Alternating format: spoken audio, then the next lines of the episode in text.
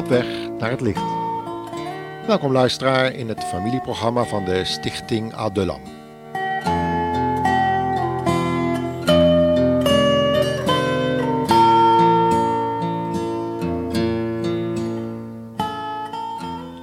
We hebben nu reeds in een zevental programma's nagedacht over het thema leven na de dood.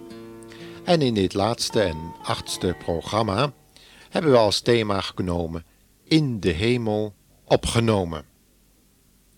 Daar willen we nu gaan spreken over wat gelovigen hebben meegemaakt toen ze tijdelijk mochten verkeren in wat de Bijbel een enkele keer de derde hemel of ook wel het paradijs noemt. Hoewel de Bijbel ons leert dat het de mens beschikt is eenmaal te sterven en daarna het oordeel, en er meer dan duizend Bijbelpassages over de dood, het sterven en het leven na de dood spreken, wordt dit onderwerp pas de laatste jaren in onze kerken sterk verwaarloosd.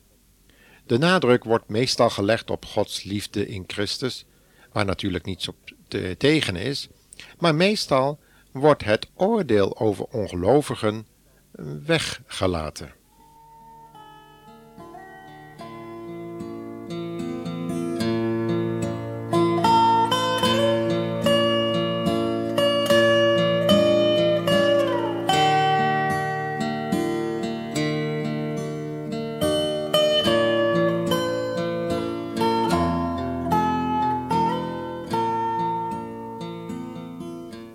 Zo begint de schrijver van Baren naar inleiding van zijn interessante brochure over leven na de dood, uitgegeven bij de Stichting Moria te Hilversum.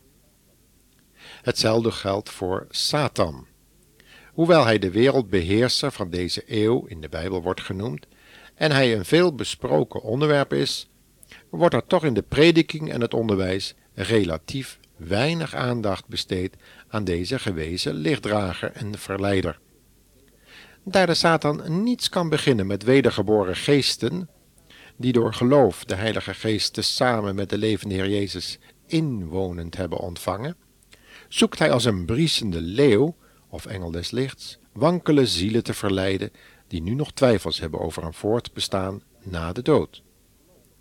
Helaas blijken ook wedergeboren gelovigen zijn prooi te kunnen worden, wat onstabiliteit, onzekerheid, depressie, stress en twijfel kan veroorzaken. Vaak heeft dit te maken met wereldgelijkvormigheid, geldzucht, gebrek aan levensheiliging en traagheid of oppervlakkigheid in het bestuderen van Gods woord. De profeet Hosea spreekt in dit verband over een verloren gaan vanwege gebrek aan godskennis. Ook vermenging van de christelijke leer met die van andere wereldgodsdiensten leidt tot dezelfde onzekerheid, twijfel en wanhoop over de weg van Christus. Het is een aantasting van de heiligheid van God en zijn woord. Uiteindelijk kan dat zelfs leiden tot een totale ondergang als er geen radicale bekering volgt. Nu kunnen we niet verwachten dat zulke gelovigen dezelfde ervaringen zullen hebben als die van de apostel Paulus, welke hij heel bescheiden beschrijft in 2 Korinthe 12, vers 1 tot 4. U moet het zelf maar eens nalezen. 2 Korinthe 12, vers 1 tot 4. Daar zegt hij: Veertien jaar geleden werd ik in de derde hemel opgenomen. Vraag me niet of het met mijn lichaam of alleen mijn geest was, want dat weet ik niet. Daar kan alleen God maar een antwoord op geven. Maar hoe dan ook, ik was daar in het paradijs. En ik hoorde dingen die door geen mens onder woorden zijn te brengen. En dat mag ook niet. We zien hieruit dat Paulus veel weet had van de onzienlijke wereld. Een wereld waar de zielen van gelovigen verblijven, gescheiden van die van ongelovigen. Maar het is wonderlijk dat hij daarbij vertelt dat hij over die ervaring niet verder mag spreken. Wel zou deze ervaring of openbaring hem het gevoel kunnen geven dat hij een heel bijzonder mens was. En daarover zegt hij weer: En omdat God niet wilde dat ik mij door de werkelijk buitengewone openbaringen iets zou gaan verbeelden, heeft hij mij dit pijnlijk laten ervaren, wat het is om vernederd te worden door een handlanger van Satan, die mij met vuisten slaat. Dat is nu een doorn in mijn vlees. Nee, nee, God zal niet toelaten dat ik mij iets ga verbeelden.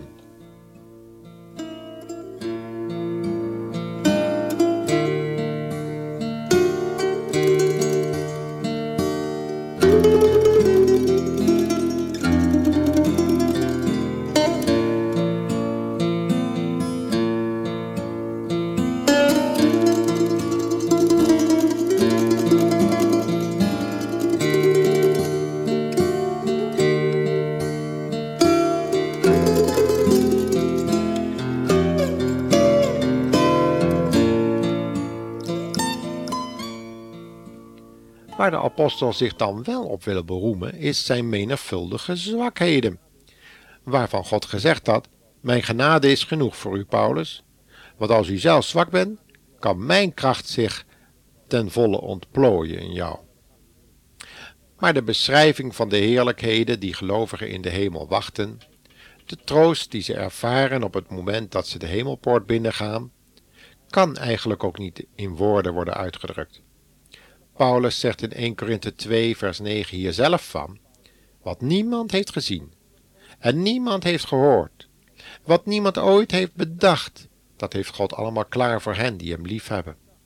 God heeft dat door de geest duidelijk gemaakt, want voor de geest is niets verborgen, zelfs het diepste wezen van God niet.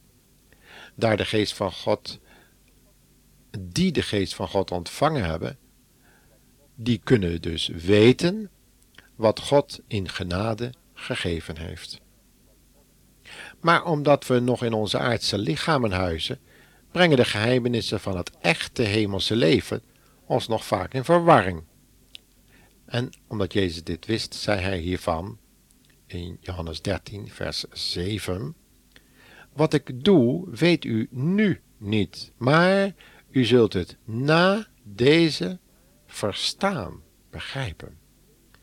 In de hemel zal onze kennis dan ook volmaakt zijn, omdat we verlost zijn van de gevolgen van de zonde, de macht, en die ook ons geestelijk inzicht en uitzicht heeft verduisterd.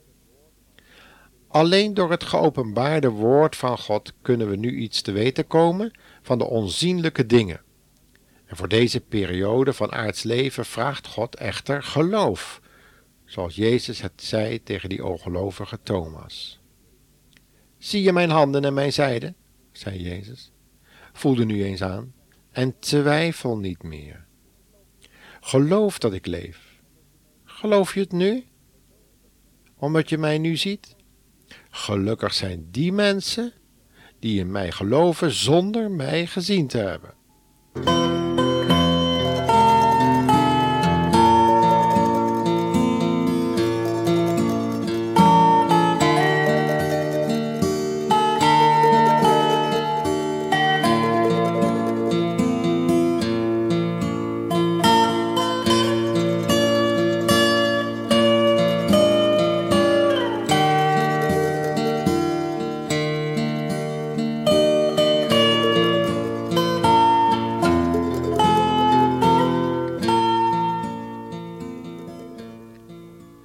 Intussen zijn er miljoenen heiligen ons voorgegaan, naar de hemel of het paradijs, waar de apostel Paulus het over heeft. En of dat paradijs nu al of niet verplaatst is uit het dodenrijk naar de derde hemel, na de overwinning van de Heer Jezus op het kruis, dat is eigenlijk voor ons niet zo erg belangrijk.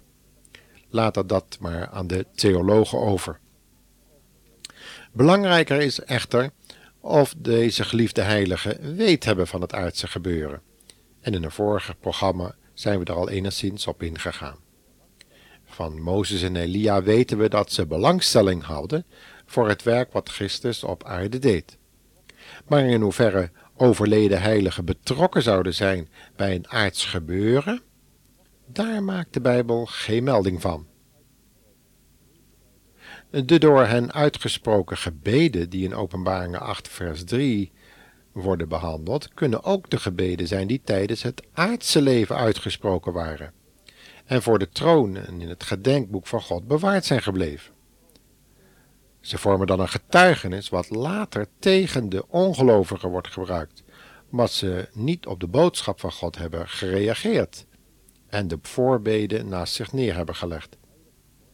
In ieder geval bestaat er een heilige vorm van eenheid tussen de gelovigen die over het aardse lijden heen zijn en hen die nog op aarde zijn, namelijk in de gemeenschap die er met de Heer Jezus is, in de aanbidding. Hierdoor kan er een hemelse blijdschap onze ziel binnendringen, dezelfde als die de gezaligden ervaren. Het verschil is dat wij deze blijdschap soms minder voelen door verdriet, moeite, pijn, lichamelijk lijden, en dat die, die blijdschap dus niet zo zullen ervaren als zij die geen last meer hebben van een lichaam wat niet mee wil. En ook geen last meer hebben van een invloed van de zonde. En dan nog even iets over de woorden Hades en het Hebreeuwse woord Sheol. Beide geven slechts een plaats aan en geen toestand.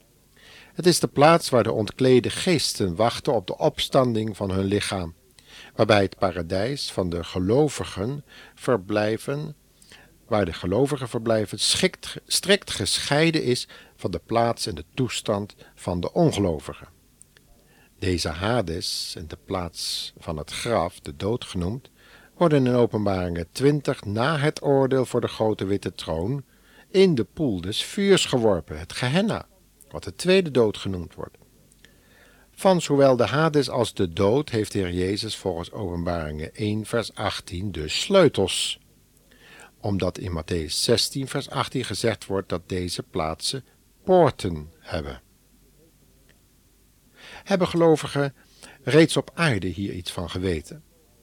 We willen besluiten met een ervaring van een getrouwe getuige, de welbekende evangelist Moody, die in 1899 overleed.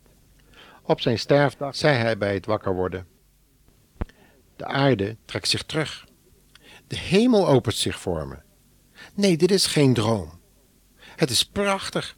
Als dit de dood is, dan is die lieflijk. Er is hier geen diep. Ah, God roept mij. Ik moet gaan. Dwaait, Irene. Ik zie de gezichten van de kinderen. Geen pijn. O, als dit de dood is, dan is die lieflijk.